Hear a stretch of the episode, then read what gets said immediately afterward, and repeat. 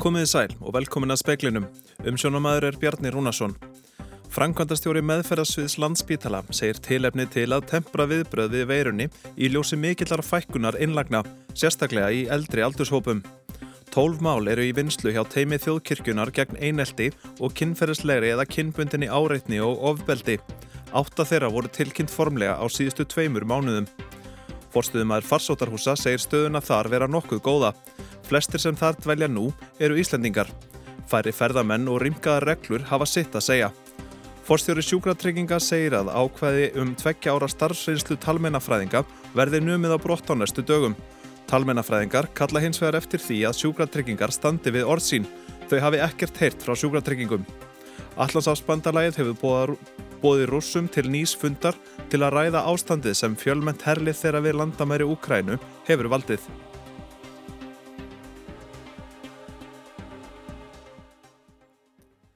Dragamun úr innlögnum á landspítala vegna COVID á næstu vikum, hraðar en áður hafi verið spáð, samkvæmt niðurstöðum nýs spálíkans landspítalans.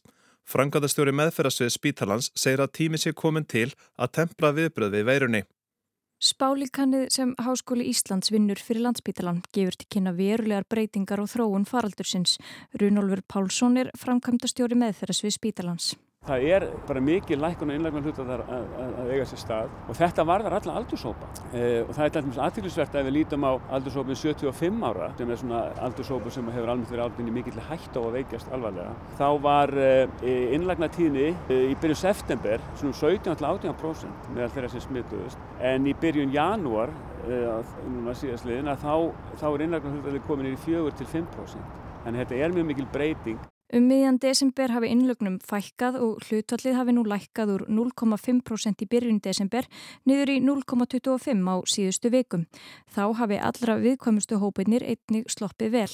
Runolfur segir að skýringin sé vantanlega svo að ómikrón afbreyði sé vægara. Þá hafi bólusetningar mikið að segja sem og COVID-gungudild sem forði mörgum frá innlögn.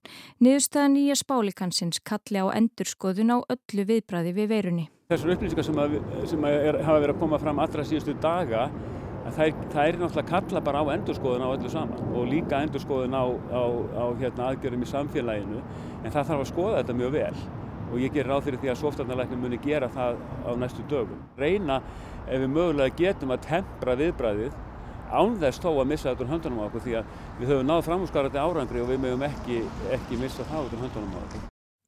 Saði Runólfur Pálsson, Solveig Klara Ragnarstóttir tók saman. Staðan á farsóttarhúsum er ágætt en nú dvelja á þreyðja hundrað gestir í húsunum og eru það flestir Íslandingar. Forstuðumæður segir að nú séu færri ferðamenn á landinu en rýmkaða reglur fyrir þrýbólusetta hafi líka áhrif. Staðan er hérna, nokkuð góð. Við erum með 264 ef við ætlum að vera nákvæm eh, en við erum að fá þetta til okkar á bylunni 50-60 gesti á hvernig degi þannig að þetta, svona, þetta rokkar inn og út hjá okkur þessu dagana. Segir Gilvið Þór Þorstensson, forstuðumöður farsátturhúsana. Hann segir að ferðamönnum á landinu hafi fækkað og þar með færri sem þurfa að leita til farsátturhúsana. Þannig að meir hluti þeirra sem hjá okkur eru núna eru Íslendingar. Svo er það líka það kannski að, að, hérna, að með nýjum reglum að þrý bólusettir þurfi kannski ekki eins eh, öfluga hérna, sótt kví að þá, þá hefur fólk kannski ákveðið að, að reyna að láta á það að reyna að vera frekar heima og það er svo sem ágætt líka. Gilvi segir að þó staðan sé ágætt núna þá þurfa að vera viðbúnaður ef aðstæður breytast. Við erum með eitt, eh, eitt tilbúin hótel sem að við gætum þurft að, að grýpa í en, en hérna svo staðan er akkurat núna þá, er, þá sýnist mér við ekki þurfa þess allavega næstu dagana en svo er þetta nú fljótt að breytast. Saði Gilvið Þór Þorstensson, Anna Þorbjörgi Jónastóttir talaði við hann. Tólf mál eru í vinslu hjá teimi þjóðkirkjunar gegn einelti og kinnferðisleiri eða kinnbundinni áreitni og ofbeldi. Rítari biskupstofu staðfestir að tveir prestar hafi nýlega verið sendir í leifi vegna ásakana um slíkt. Teimi þjóðkirkunar um aðgerðir gegn einelti, kynferðislega áreitni, kimbundna áreitni, ofbeldi og meðferð kynferðisbrota innan kirkjunar tók til starfa í lok árs 2019. Það er skipað af kirkjuráði og skipað fagfólki ótengdu kirkjunni. Átta þessara tólf mála sem teimið hefur til meðferðar voru formlega tilkynnt í november og desember. Formaður teimisins segir í skriflegu svari til fréttastofu að ætla megið að fjögur málana séu þess eðlis að þeim verði lokið án aðgerða af þeirra hálfu. Alls fekk teimið tíu tilkynningar á síðast ári en samtals þrjú árin tvö þar á undan. Í tveimur þessara mála eru áverðingar um kynferðislegt ofbeldi og þrjár ásakanir um að flokka sem kynbundna áreitni. Önnur mál snúað ásakanum um einelti á vinnustað samkvæmt upplýsingum frá teiminu. Fréttastof er ókunnugt um hvenar meint brot eigi hafa átt sér stað. Rétt er að árétta að hægt er að leita til teimisins vegna allara sem starfa innan kirkjunar, ekki bara presta. Rítari biskupstofu staðfustir að tveir prestar hafi verið settir í leifi vegna ásakana á meðan teimið kannar viðkomandi mál en vil ekki tjá sig um málið að öðru leiti. Hólfríði Dani Friðjansdóttir tók saman, nánar verið fjallað um þetta í kvöldfrittum klukkan sjö. Úlingadeild barnaskólans á Eirarbakka hefur verið lokað fram yfir helgi vegna miklu. Skólanum var lokað á háti í dag eftir að bráðabirða skísla eblu verkfræðistofu leiti í ljós óviðunandi ástand á húsnæðinu. Kalla var eftir úttekt á húsakinnum skólans í haust eftir að starfsmenn og gestir kvörtuð undan enkennum sem gætu bent til þess að mikla væri í húsinu. Bráðabirða niðurstöður úttektar eblu á ástandi skólans voru þannig að ekki þótti óhætt að halda kennslu áfram að óbreyttu. Jens Stoltenberg, framkvæmdastjóri Allandsafsbandalagsins, hefur bóðið rúsum til viðrana til að bæla frá hættunni á því að þeir ráðist með fjölment herlið á Úkrænu. Rússar segjast býða svara vestræða þjóða við kröfum þeirra um öryggismál í Evrópu. Þegar þau likki fyrir séu þeir tilbúinir að ræða málefni Úkrænu. Jens Stoltenberg átti fund í dag með Olaf Scholz, kanslara Þískalands í Berlín. Að honum loknum greindan fréttamönnum frá því að hann hefði bóðið rúsum til viðræðina nýju um Úkrænu deiluna. Sendi nefndir Allandsafsbandalagsins og Rúslands rættu málið í síðustu viku en sáfundur skilaði engum árangri. Eftir hans aðist Stoltenberg reyðu búin að halda áfram um leitinum til að leysa deiluna. Sergei Lavrov, utanrikis ráþæra Rúslands og Anna-Lena Berbok, utanrikis ráþæra Þískalands heittust í dag í Mosku. Að fundi þeirra loknum sagði Lavrov að rússar væru að býða eftir svörum vesturveldana við kröfum þeirra um öryggismál í Evrópu. Þegar þau lægu fyrir væru þeir reyðubúnir til að ræða málefni Úgrænu. Tilkynnt var í Washington í dag að Antoni Blinken, utanríkis ráþæra bandarækjana, væri á förum til Kenugars til að fullvisa Úgrænumenn um stöðning bandarækjastjórnar í deilunni við rúsa. Á fymtu dag verður hann í Berlín og ræður ráðum sínum við sendimenn Breitlands, Fraklands og Þýskalands um hugsanlega lausn á deilunum við rúsa. Ásker Tómasson saði frá. Microsoft tilkynnti í dag að fyrirtækið muni festa kaup á tölvuleikja risanum Activision Blizzard fyrir næri 69 miljardar dala, andverði um 9.000 miljardar króna. Yfirtakan er svo langstæsta í sögu tölvuleikja innaðarins og veldur áhugjum um samkeppni á tölvuleikja markaði. Activision Blizzard hefur gefið út leiki á borðið World of Warcraft, Candy Crush og Call of Duty seríuna en fyrir á Microsoft leikjaframleðendur sem hafa gefið út til dæmis Halo leikina, Minecraft og Skyrim. Björn Berg Gunnarsson, dildarstjóri greiningar og fræðslu hjá Íslandsbanka, segir þetta stærstu fjárfestingu í sögu Microsoft. Hún segir mikið um vöxt tölvuleikjaðinaðarins. Tölvuleikjaðinaðurinn í dag er umtalsvert stærri en tónlistariðnaðurinn og kvikmyndaðinaðurinn til samans og heildartekjur hans eru taldar í 20.000 miljardar krónu ári. Reknað er með að kaupin gangi í gegna á næsta ári og telur Björn ólíklegt að samkeppnis yfirvöld grípi inn í. Þótt kaupin valdi áhyggjum af samkeppni á markaðunum. Þetta á sér hliðstæðu í því sem annar reysi hefur verið að gera sem er Disney. Disney hefur verið mjög einbeitt núna undanfærin áratögu eða svo, eða ríflega áratögu með það að markmiði að festa kaup á vörumerkjum sem hægt er að kreista úr peninga uh, út í hið endalösa. Saði Björnberg Gunnarsson, Þorgnir Einar Albertsson talaði við hann. Nú stendur yfir leikur Íslands og Ungverðlands á Europamóti Karla í handbólta. Staðin í leiknum þegar um stundarfjörðungur er eftir er 25-24 fyrir Ísland.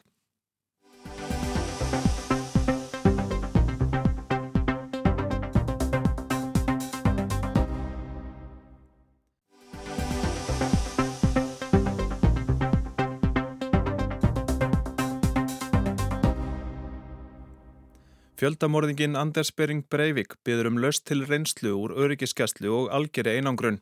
Hann mætti fyrir rétti í dag og notaði tækifærið til að ítrekka fyrir bóðskap um, um hinn kvíta kynstofn.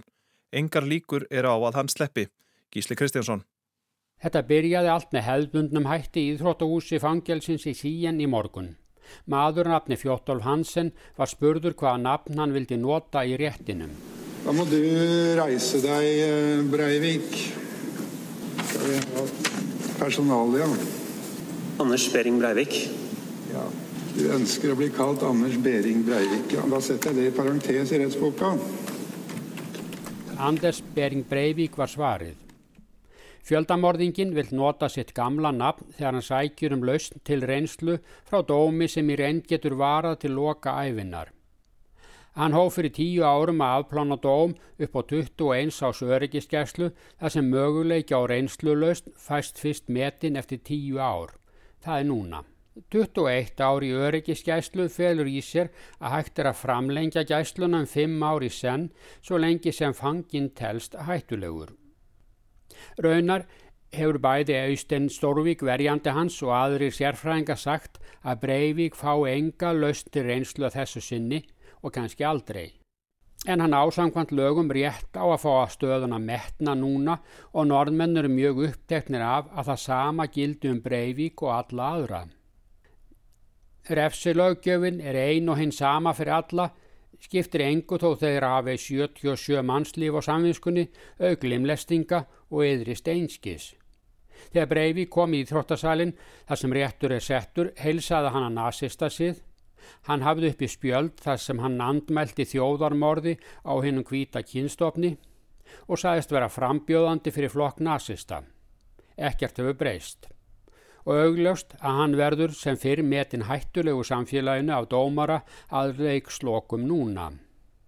En hann gæti fengið að æfa og hlaupa um með öðrum föngum í Íþróttasalnum við fangelsið. Það er annað en núna í einangrunninni. Verjandin leggur áherslu á að engin framför hafi orðið hjá Breivik þann áratug sem hann hefur setið í algjari einangrunn. Hann geti því aldrei uppfyllt skilirð um reynslulöst nema með hjálp í fangelsinu alveg eins og aðrir fangar fá. Þótt aðbúnaður fangans sé ekki tekin fyrir réttinum núna, getur óskinum hjálp og stuðning til japs við aðra fanga komið til álita. Þarna er von um lítinn sigur breyvík til handa, þótt útiloka sé hann fái löst til reynslu. Annars verðist breyvík óbreyttur frá því sem áður var. Lesin var upp í réttinum í morgun lýsing á allum morðunum en hann satt fjarrætn og áhugaðlaus undir lestrinum. Hann reyndi að gera aðtúasemt en var stöðvaður að dómara. Eftir hátegi fekk hann svo að fyllitja sitt mál í þrjá klukkutíma. Sjónvarpað er frá réttarhöldunum að því frátekna slögt er á þegar Breivik talar. Hann fær ekki að flytja bóðskap sinn fyrir landslýð. Allt er þó tekið upp og geimt til síðari tíma. Þó er vittna til orða hans í réttarsalnum í fjölmiðlum hér. Breivik sagði að einstaklingur að nafni Anders Bering Breivik hefði dáið árið 2009 þótt enns ég talaði um þennan Breivik sem sjálfstæða personu. Breivik tilheri líðinni tíð þótt hann tali núna í nafni hans í réttinum. Núna segist Fjóttolf Hansen, sem Breivik heiti núna, afneita öllu ofbeldi og vilji vinna að markmiðum nazismans með friðsamlegum aðferðum. Markmið hans er að fá að berjast fyrir rétti hins kvíta kvinnstofs næstu 50 árin. Ekki er víst að dómarinn taki mark á þessum rauksendum. Reknaði með að þetta réttarald standi fram eftir vikunni. En er eftir að heyra álit geðlegna á andlegri heilsu Breivíks núna. Er hann hæfur til að fá laustir reynslu? Er hann hættulegur sem fyrr? Framkoma hans í réttinum í dag bendi til hann sjáu þetta sem tækifæri til að kynna boðskapsinn. Verjandin sagði við fréttamenni hljögi að frá sjónarhóli verjanda veri framkoma Breiviks óheppileg. Það hefur andað köldu á milli sjúkratrygginga Íslands og talmennafræðinga undanfarin misseri. Fram til þessa hefur verið skilirði fyrir nýjútskrifaða talmennafræðinga að þeir ljúki tveggja ára starfsreynslu tímabili eftir útskrift áður en þeir fá samning við sjúkratryggingar Íslands. Í desember lofaði Viljum Þór Þórsson helbriðsraþara bót og betrun og saðist vilja afnema ákvæði um tveggja ára starfsreynslu. Í vikunni vöktu talmennafræðingar máls á því að ekkert hefði þokast í málinu og engin breyting hefði orðið. Byðlistar halda áfram að lengjast og um 900 börn býða þess að komast að, á meðan nýjótskrifaðir talmennafræðingar sitja heima með hendur í skauti. Viljum var spurður að því að loknum ríkistjórnafundi í morgun hvernig hann sæi þessi mál fyrir sér nú. Við fórum bara stað núna strax til að leysa það mál og, og, og afnámum þessa reglu, tveggjara reglu og settum 180 miljónir til að ganga frá samningi og klára þetta áfram. Hvenar uh, skýrist það? Eh, ég, þetta þurfa sjúkratingar og, og talmennafræðingar að, klára það mál en, en, en, og ég vona bara að það eh, gerist rætt og fljóðlega. Ég átti ekki vonað öðru en að það gengi saman. Setur þú pressu á sjúkratingar að, að, að það er leysið máli sem fyrst? Ég er alltaf að setja pressu á sjúkratingar. Það er alltaf best þegar fólk nær saman. Þú sem fjálfari getur skipt mörgum inn og skipt mörgum út af. Hvað, ert ekki bara harður á því að það setja að leysa þetta mál og það strax? Mér eru alltaf gengið bestir í síni leikmennunum tröst. Saði Viljum Þóri viðtali við Arnar Björnsson fréttamann að loknum ríkistjórnafundi í morgun. En skjótt skipast veður í lofti. Í viðtali í dag saði Marja Heimistóttir, forstjóri sjúkratrygginga, að ákveðum tveggjára starfsreynslu verði afnumið mjög fljótlega. Við búin til þess að ganga endanlega frá nýju samningi bara í þessari viku og, og, og vonandi fyrir lokvikuna og í honum að þá verður samkvæmt ákverðun heilbreyðisráðunitisins held nýður þessi tveggjarregla sem að verið hefur til umræðu og það er kannski megin atriðin sem að heilbreyðisráðunitis ákvaða að breyta, það var að fella nýður þessa reglu. Þannig að það verður gert? Já, það verður gert. Samningurum sem við erum að gera núna er raunni 6 mánuða framlegging á gamla samningnum, þó án tveggjára reglunar og meiningin er að nota þann tíma bæði milli SI og talmennafræðinga og svo hjá þessum starfshópi sem var nýlega skipaður af helbreyðisráðanitinu til þess að skoða talmennaþjónustu í heilsinni. Þannig að nota þennan tíma til þess þá væntanlega að undirbúa nýtt heilstætt samkominlag.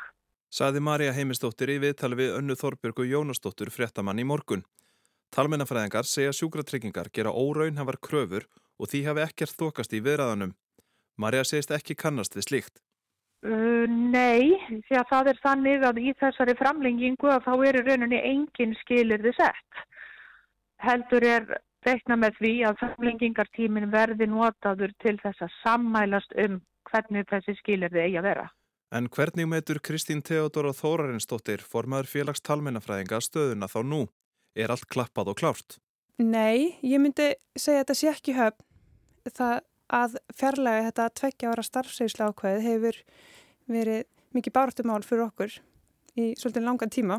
Og það fagnar erindi svona rétt fyrir jólinn að þessu tilmæli Viljums heilbreyðisáður ráð þeirra að veita sjúkatryggingum í áleifi til þess að fella út e, þetta ákvæði í samningnum. Og framöndan sá við samningaviðræður að þær myndu bara ganga fljótt og vel fyrir sig við hefum þurft að vera í samninga viðræði við sjúkarþryggar Íslas, Íslas í langan tíma, ansið langan tíma.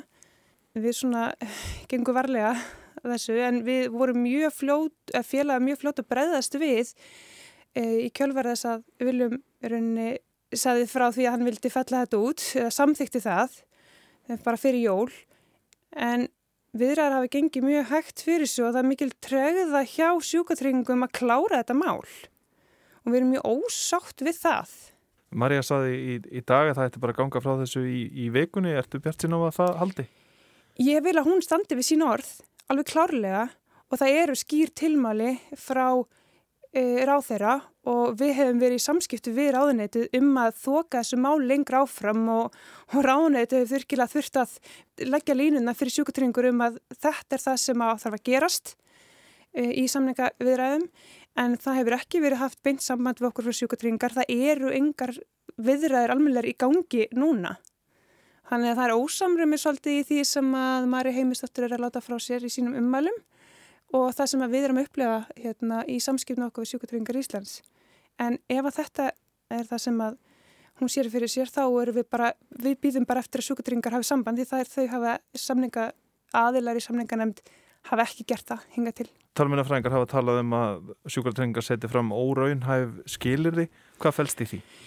Já, þetta eru stór samningsmarkmið sem að uh, eru lögð til að verði leist og þar eru við að tala um gæðavísa, uh, svona helstaði vinnu með gæðavísa. Það eru bygglistamál að vinna að miðlaðum bygglista og ég mistil annað sem að við í félaginu eða þá aðilar okkar í samninganemnd get ekki einir leist. Við þurfum fleiri aðila til þess að koma að þessu málum. Við getum auðvitað komið tilögur að því en þannig að það er svolítið verið að uh, stilla okkur upp veg þarna að það þurfa að klára þessi mál til þess að einhvern veginn að, að fella út þetta ákvæði. Okkar tilfinninga er svolítið þetta mikið málþóf í gangi. Það, þetta er bara einhvern veginn að veltast í kerfinu, við erum bara mjög óþulum á og viljum bara að klára þetta en það er svona, við þurfum virkilega fyrir þessu til þess að einhvern veginn að fá okkar fram og við erum að reyna að vinna vinnuna. Við þurfum líka að sjá að, að sjúkvöldringar Íslands leggir sitt á mörgum til að leysa þetta mál. Hvað sér þið fyrir þér að síðan svona næstu skref? Að sjúkvöldringar Íslands hafi sambandið okkur. Og þeir hafa ekki gert það enga til? Það hafa ekki verið fundir, formulega fundin haldnir á milli uh, samninga aðila og við viljum sjá bara meiri vilja ekki bara í, í fjölmjölum heldur raunverulega í þessu, vinnu, þessu samningavinnu sem við erum í og það þarf að fara að gerast strax. Það er heildar endurskoðu sem á að fara fram. Já, það er starfsópur á innan heilbreyðisaröndurins sem er að vinna því. Þessi hópur kom saman með mjög stutu fyrirvara og eh, átt að klára þetta fyrir jól. Þeir að fengi frest til mars Þetta er bara mjög stór mál sem þarf að vinna að og ekki bara félagið, heldur líka að koma sveitafélagana.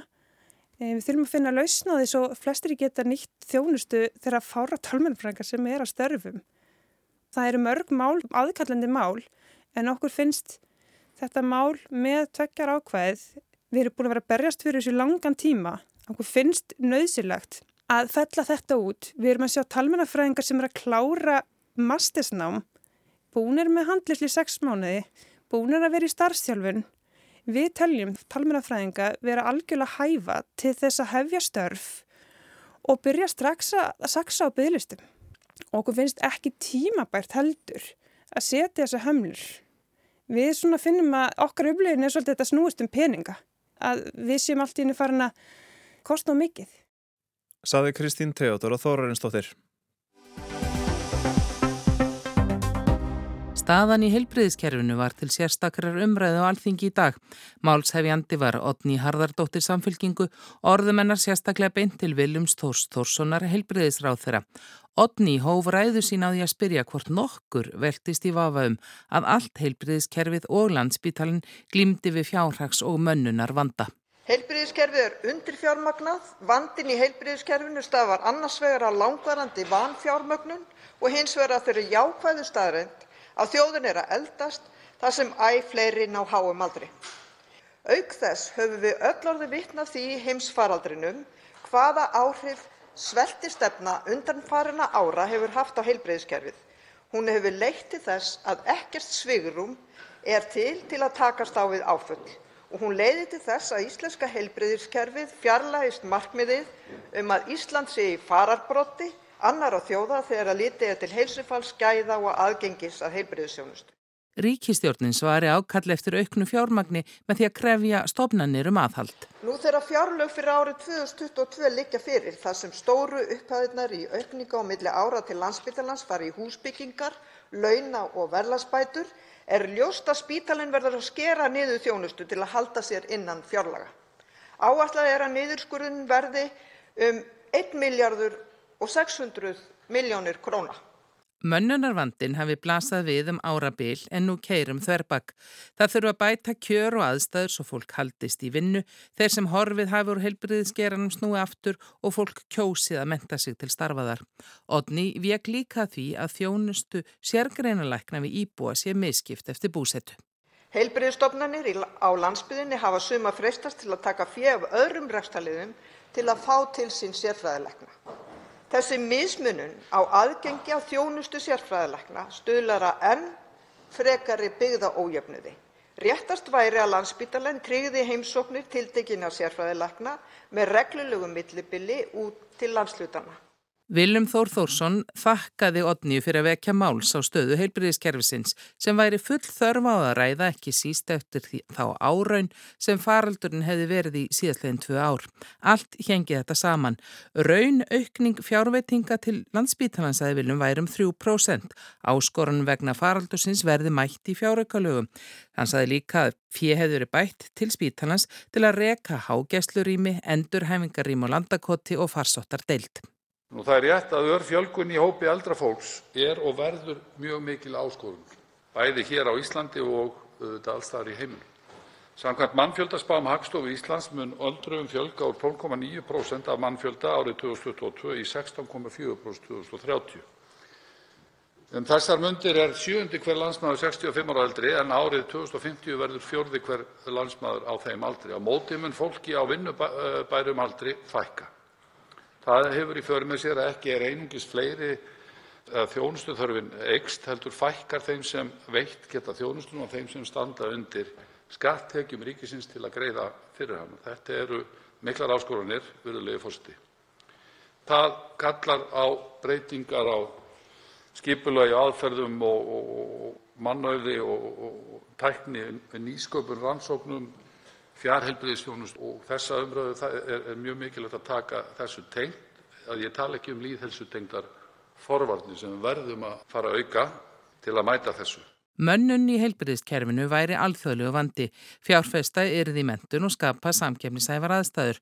Forveri hans á ráþærastóli hefði skipað landsráðum mentun og mönnun í heilbyrðistjónusti fyrra og margt hefði þar verið velgert. Fjölmarkir tóku til máls og voru margir sammóla málsæfjanda um mönnunar vandan. Bryndís Haraldsdóttir, sjálfstæðisflokki, lagði áherslu á það að Íslands heilbyrðiskerfi væri frábært og ekki mætti tala það niður með tali um sveltistefnu. Mesta púðrið færi alltaf í umræður um landsbítalan en þar væri ekki allt heilbriðiskerfið. Stóru spurningarnar sem við þurfum að svara núna til framtíðar er hvernig við hemjum útgjöld í þriðju styggs þjónustunni. Þar er, eins og hv. þingmenn hafa komið inn á, öldrun þjóðarinnar bæði jákvætt en líka ákveðið viðfangsefni en ekki síður lífstílssjúkdómar. Ég er ánægð með að heyra hæstv. Eh, ráðherra nefna hérna áðan að lýðheilsa og forvarnir skiptir hérna lykilatriði. Jódís skóladóttir Vinstir Grænum benti á það að einungis brotabrota þjálfun læknanema væri í heilsugjæslunni og ennminna væri á landsbyðinni. Þetta væri nokkuð sem þyrti að rétta af. En Björn Levi Gunnarsson Pírutum vísaði til spárum mönnun í heilbriðiskerfinu sem gerð var árið 2006. Það rétt náðist að fylgja spáni um hversu marga hjúgrun og fræðinga og lækna við þyrtum á að halda. Sæmilegt er það ekki? Nei. Í spáin árið 2006 byggðist á mannfjöldaspá Hagstofunnar sem gerði ráð fyrir 320.000 manns eh, sem byggja á Íslandi árið 2020. Raunin var hins vegar að 1. janúar 2020 voru landsmenn 364.134. Þessi staðrind hefði verið löngu ljós. Staðan nú væri afleðing af ákvörðun og pólitískri hugmyndafræði sem miðaða enga væðingu í helbriðiskerfinu. Með því að svelta ofinbera kerfið, saði Björn Lífi, væri grafið undan því. Landsmenn þyrta að þóla skadan því tilgangurinn helgaði pólitíska meðalið. Í lokumræðuna rætti viljum um byggðasjónamiðin og viðurkendi að aðgengi að sérgarina þjónustu þyrti að bæta. Mönnunin væri þar líkil þáttur. Svo vil ég taka undir með hv. þingmönnum um að við eigum frábært starfsfólk, heilbrigðiskerfi sem hefur staðist gríðarlegt álagspróf og við stöndum með okkar heilbrigðiskerfi og okkar spítala í gegnum þetta og við þurfum að huga að þessari mönnun til framtíðar. Saði Viljum Þór Þórsson, Anna Kristín Jónsdóttir tók saman. Það var helst í spekli kvöldsins að framkvæmdastjóri meðferðarsviðs Landspítala segir tilöfni til að tempra viðbröð við veirunni í ljósi mikillar fækkunar innlagna, sérstaklega í eldri aldurshópum. Tólf mál eru í vinslu hjá teimi þjóðkirkjunar gegn eineldi og kinnferðisleiri eða kinnbundinni áreitni og ofbeldi. Átta þeirra voru tilkynnt formlega á síðustu tveimur mánuðum. Forstuðumar farsótturhúsa segir stöðuna þar vera nokkuð góða. Flestir sem þar dvelja nú eru Íslendingar. Færri ferðamenn og rýmkaða reglur hafa sitt að segja.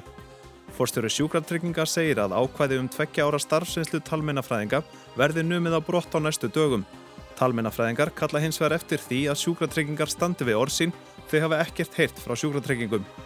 Allarsafsbandalægið hefur búið rússum til nýs fundar til að ræða ástandið sem fjölmett herlið þeirra við landamæri Úkrænu hefur valdið. Utaríkisra þeirra bandarækjana er á leið til Úkrænu til að sína stjórnvöldum samstöðu í deilunni við rússa. Og staðan í leik Íslands og Ungverlands er 31-30 fyrir Ísland og skamt eftir af leiknum. Fleira er ekki í speklinum í kvöld. Tæknimaður var Markus Hjaltarsson. Verðið sæl.